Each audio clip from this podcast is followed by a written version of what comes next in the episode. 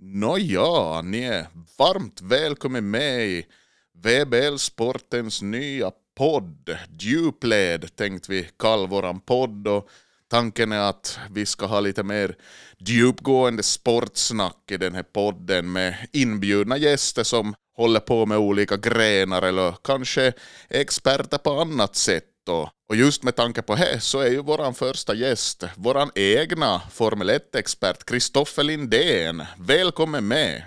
Ja, hej Jonna. Jättekul att vara här i, i Vasa faktiskt och spela in den här podden. Jag sitter fram emot det ganska länge nu. Vi pratat om det ett tag och sen känns det skönt att vi äntligen kommer igång. Ja, du håller inte till i Vasa annars riktigt så mycket. Berätta lite vad du sysslar med nu för tiden. Ja, jag har bott i Stockholm nu tre senaste åren. Men jag har ju varit flygande reporter för främst Vasabladet och några andra kunder också. Men att det är ju ändå Vasabladet som har, som har varit min viktigaste kund.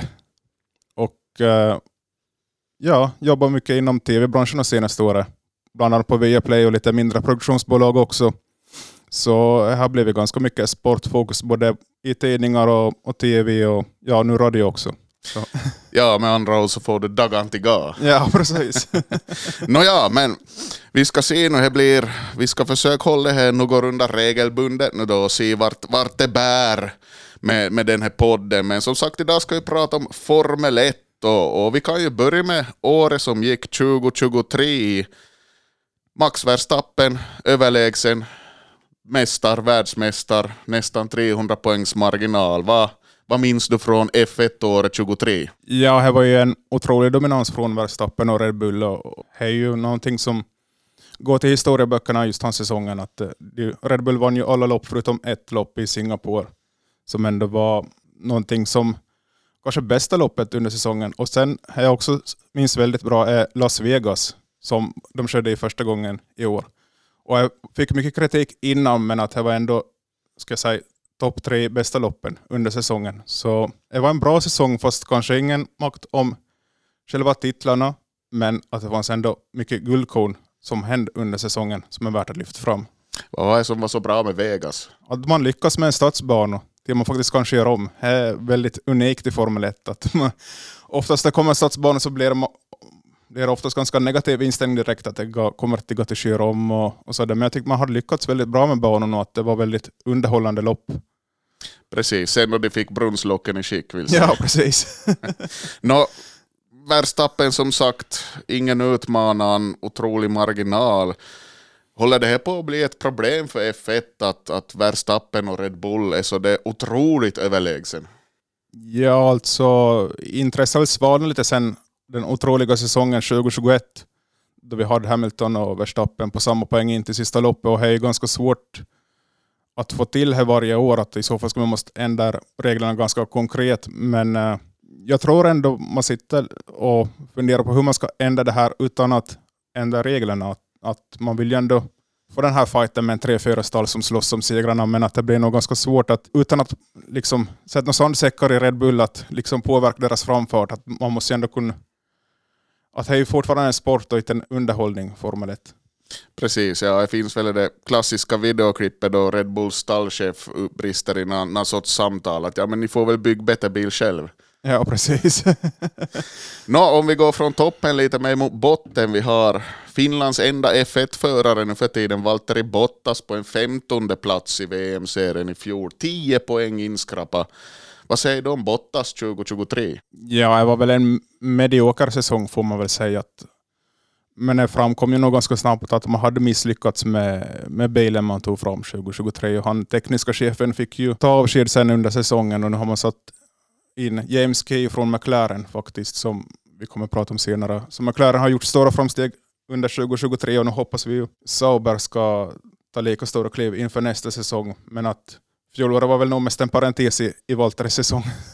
Vad var det som inte funkar om du försöker tränga in i ett nötskal? Nej, det var nog bra att eh, uh, bilen inte riktigt höll mot konkurrenterna. Det är väl det som är största orsaken att Valtteri slog ju ändå sin stallkamrat väldigt bra på fingrarna över, sett över en hel säsong. och Att han har ju prestandan där och, och liksom ändå säger han får ett maximalt ur bilen men att jag tror nog det är tyvärr bilen som gör att han inte kan få några fler poäng än 10 poäng under en hel säsong. Nå istället har ju Bottas blivit lite av en sån här, vad ska man kalla det, sociala medieprofil med all världens uppdateringar, är, är nakna rumpor och, och är, är slow motion joggningsturer i, i Malibu tror jag, eller Kalifornien åtminstone. Vart håller det på att barka för Valtteri Bottas? Är det liksom, börjar vi se slutet på hans F1-karriär, eller vad tror du liksom att det kommer till led till? Ja, alltså en helt annan Valtteri som vi har sett nu i, i Sauber Alfa Romeo än vad vi såg i Mercedes där han slog som om segrar i lopp och så här. Och, uh, ja, jag tror ändå den här approachen är ju ganska bra för han har ju fortsatt satt liksom resultat som enligt vad bilarna kunnat prestera. Och eh, uh, är mer avslappnad Bottas alltså, och som du säger, han, han vill ju visa upp den sen också på social media och här tror jag inte en, en dum tanke att jag tycker ändå att jag har stärkt hans varumärke med alla de här lite småjotton om vi säger den. Att jag tycker vi borde ha fler förare som bjuder på sig själv liksom i sociala medier och så här. Och kanske man inte behöver alltid vara det här superseriösa.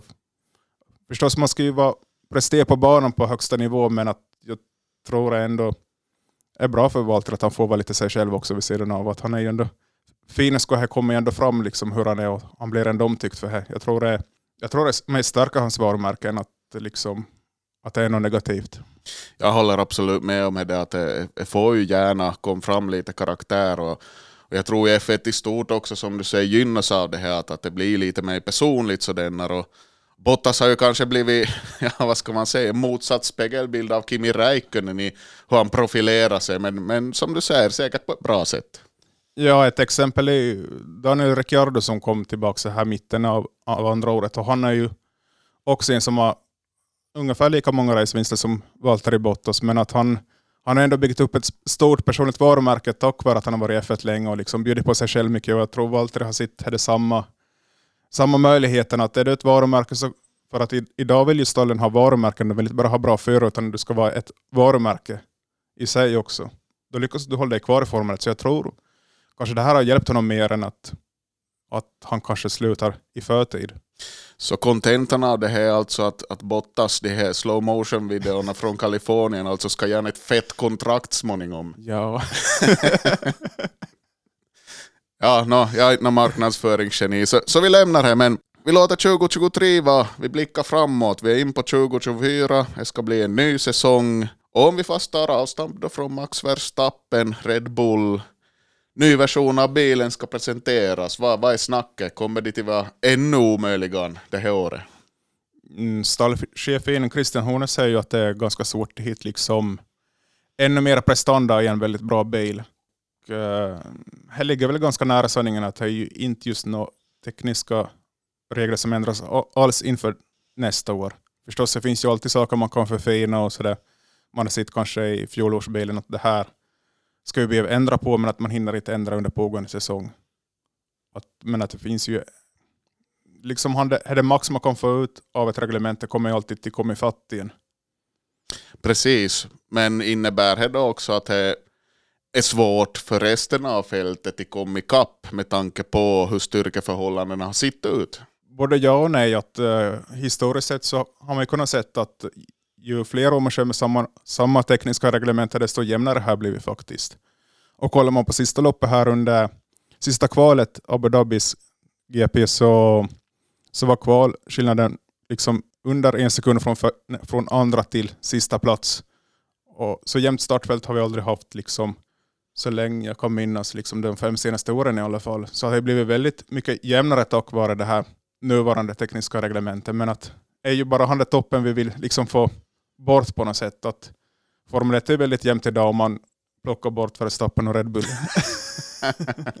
ja, det blir lite som på skolgården, att det är den som är bäst så får vara med. med. Ja, Vi får göra någonting annat. Det är orättvist. Ja. Nej, no, men då blir det ju intressant då att vem, vem har potentialen, vem har störst potentialen till utman Red Bull kommande säsong, den här säsongen? Va, vad tror du? Ja, magkänslan säger att det är McLaren med Lando Norris, för att de gjorde en riktig uppryckning under fjolårets säsong. De kom till första loppet i Bahrain och de var knappt ute ur första kvalrundan. Och sen till Silverstone, så här halvvägs in i säsong, så kom de med en uppdaterad bil och de var ju direkt i första startled och, Och det är ju väldigt imponerande att man kommer med uppdateringar till en bil och de fungerar direkt. liksom.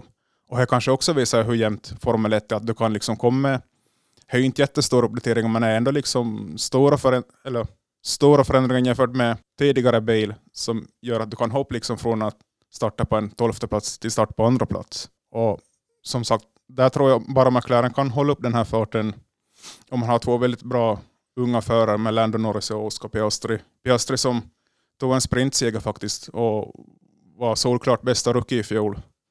Så här tror jag, jag hoppas och tror att de kan bli en utmanare till Red Bull. Förutom de här två klassiska, de Mercedes och Ferrari, att Mercedes och Ferrari så finns ju för att de slåss om Formel 1-segrar. Det är nästan deras DNA att, att de ska vara med där och slåss om, om titlar. Att de är inte där bara för att de visar upp sina varumärken. Du pratar om Landon Norris, han har väl ändå lite växt fram som en sån här publikfavorit bakom Verstappen. Det är många som gillar och följer Norris, visst är det så? Ja, nu är han ju väldigt välkänd och så här. Jag, själv har jag haft lite dispyter med honom i, i paddocken. Han är kanske lite dryg ibland i, mot media.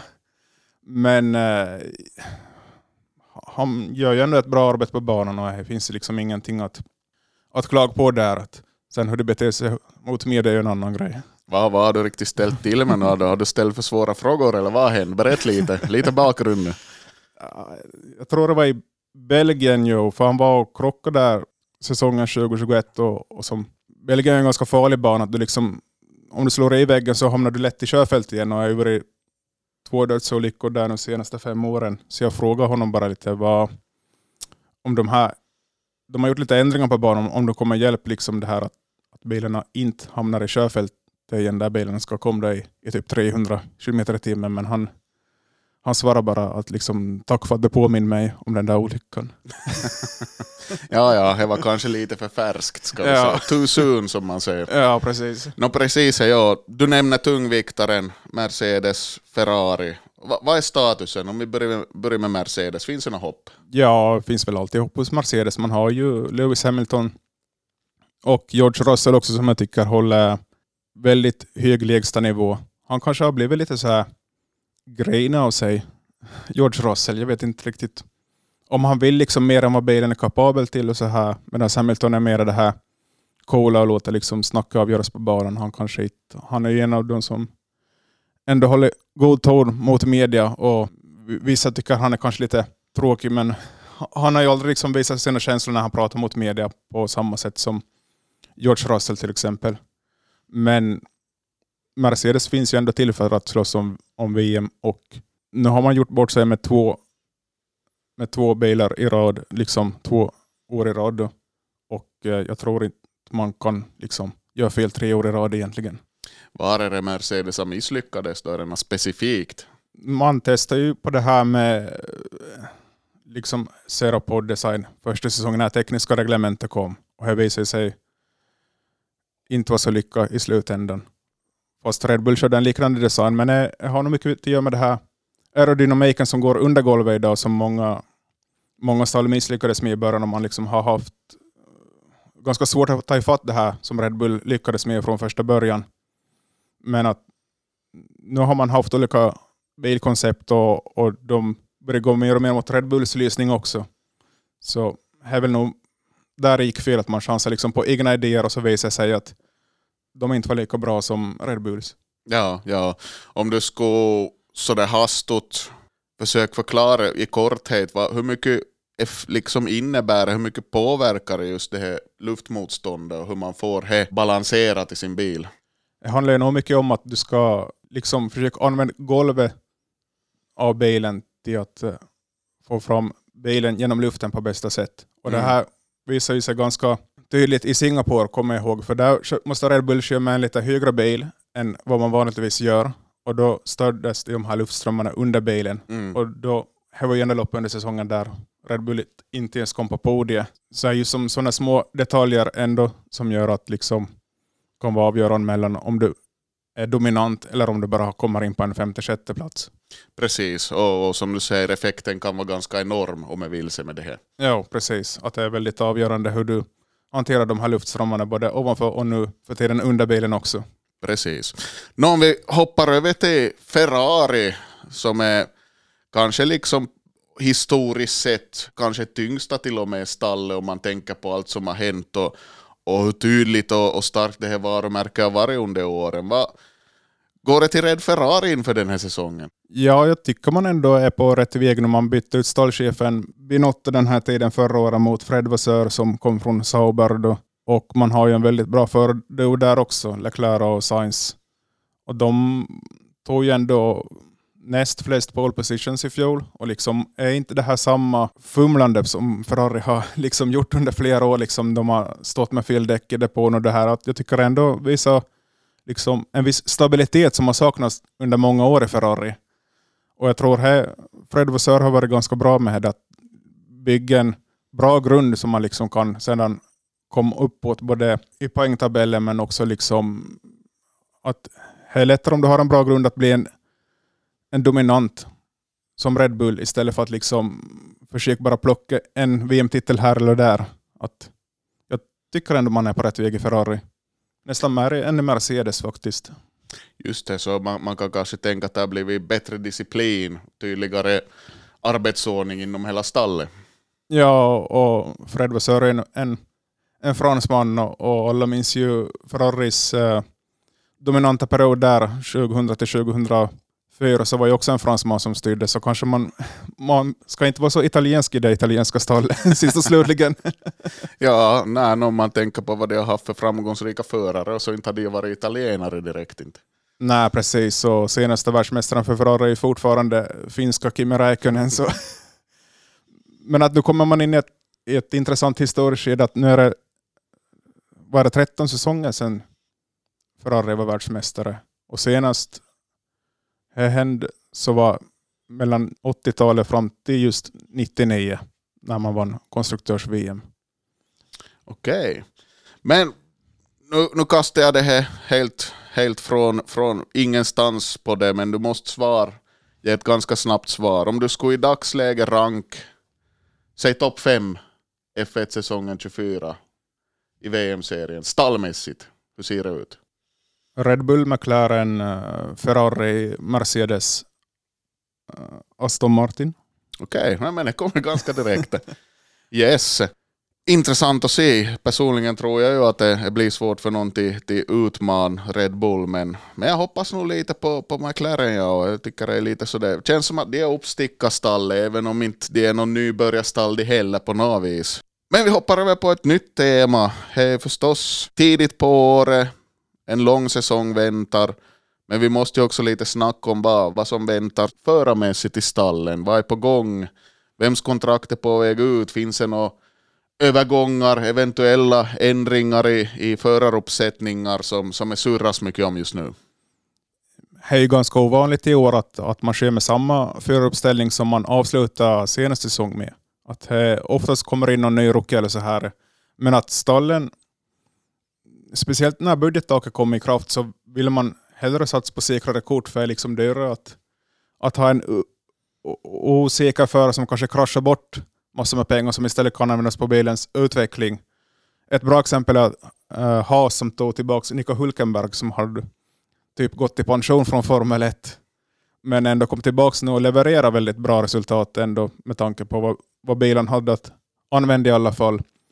Och det här tror jag ändå är en trend som andra stall också gör, att man hellre antar en, en förare som kan plocka de här poängen när tillfälle ges istället för att gå bort från de här raketerna som, som har en väldigt hög spets men att istället också kan göra många misstag. Och eh, Därför ser vi just att det är samma föruppställning som kommer till Bahrain som man avslutar säsongen i, i Abu Dhabi. Men det är ju många kontrakt som går ut i år och här kommer ju det blir en diskussionsämne ganska snabbt. Kan jag tänka mig. Ju bara Verstappen, båda Mercedes-förarna, Lando Norris och Oscar Piastri som har klara kontrakt förbi årets säsong. Ja, inte mer än så. Nej, att det är bara fem av 20 platser.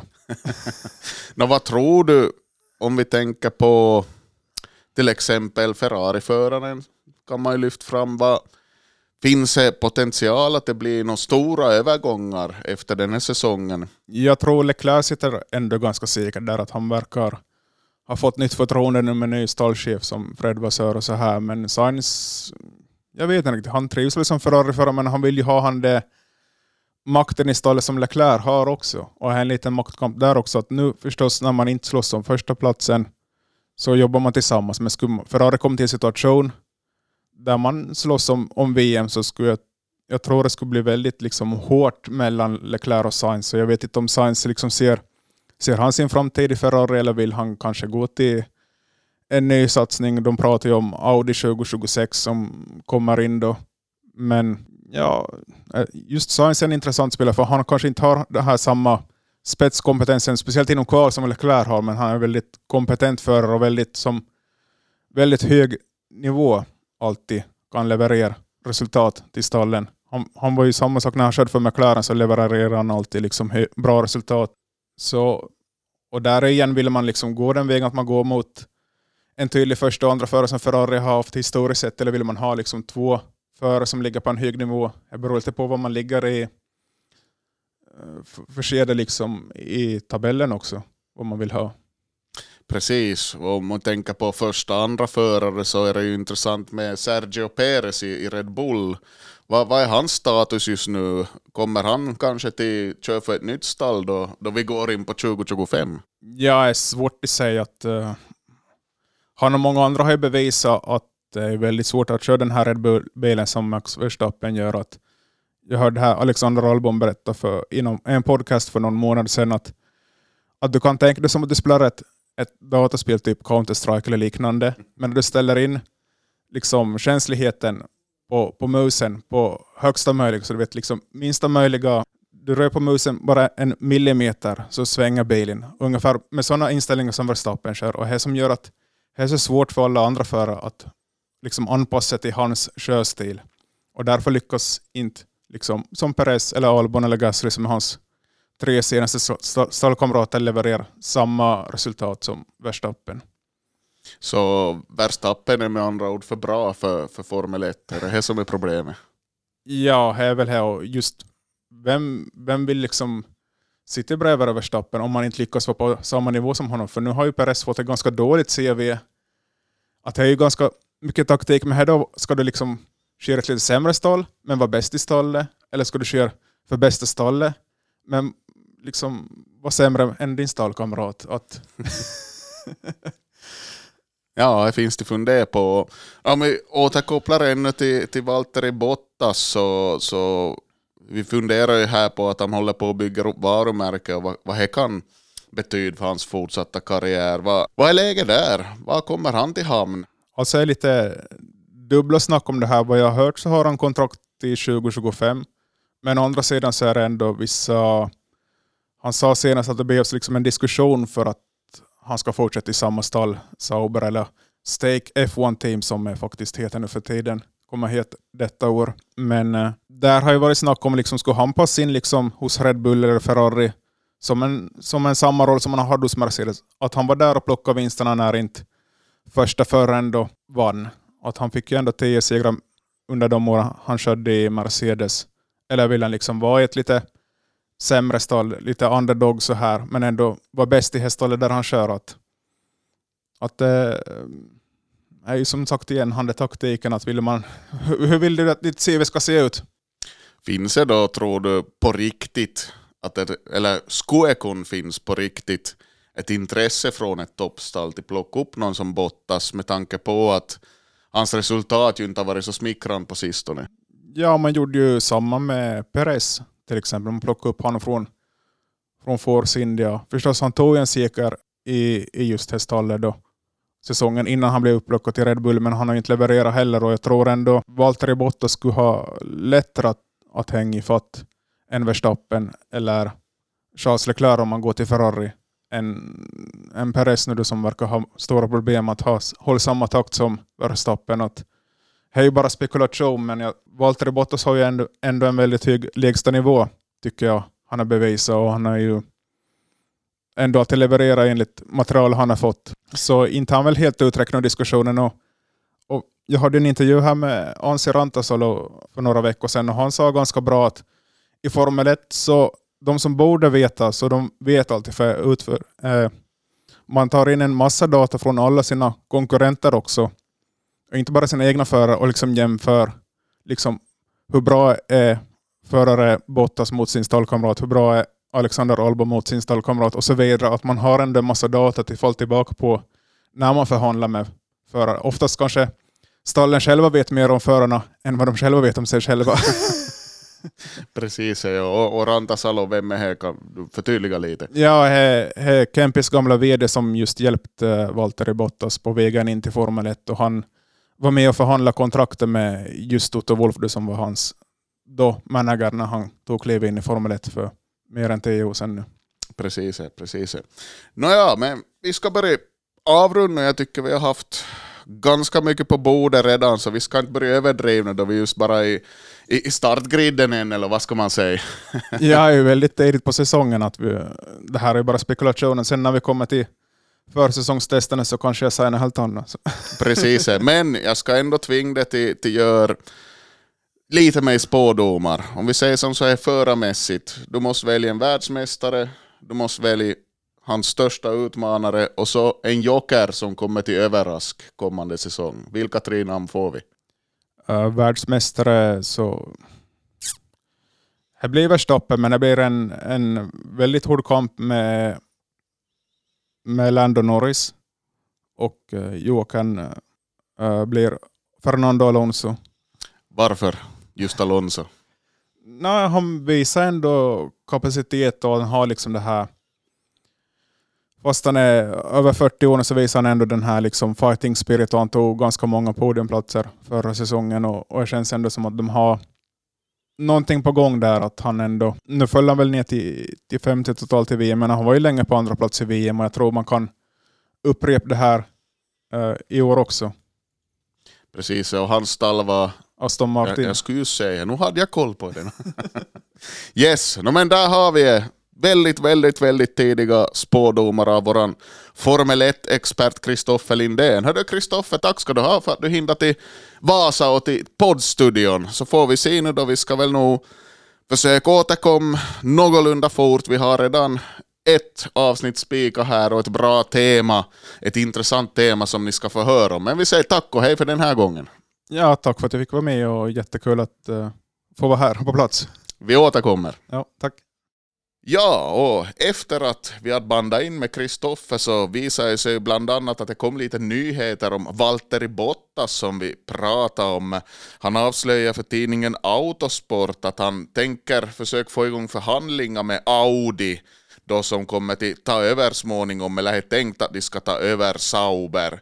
Så att där lite glimtar om framtiden för Finlands för tillfället enda F1-chaufför. En annan nyhet så var att eh, Haas-stallets chef, stallchef Günther Steiner, så lämnar stallet, vilket kom kanske lite som en överraskning här. Så att där ser vi F1, lite silly season-snack. Och då tackar jag än en gång alla er som har lyssnat på vårt första avsnitt av Sportpodden Djupled. Som sagt så kommer vi i något skede i spela in ett nytt avsnitt med Kristoffer Lindén. Vi har intressanta saker att diskutera och ja, mer avslöjar jag inte om vad som är på gång i den här podden men håll utkik efter oss.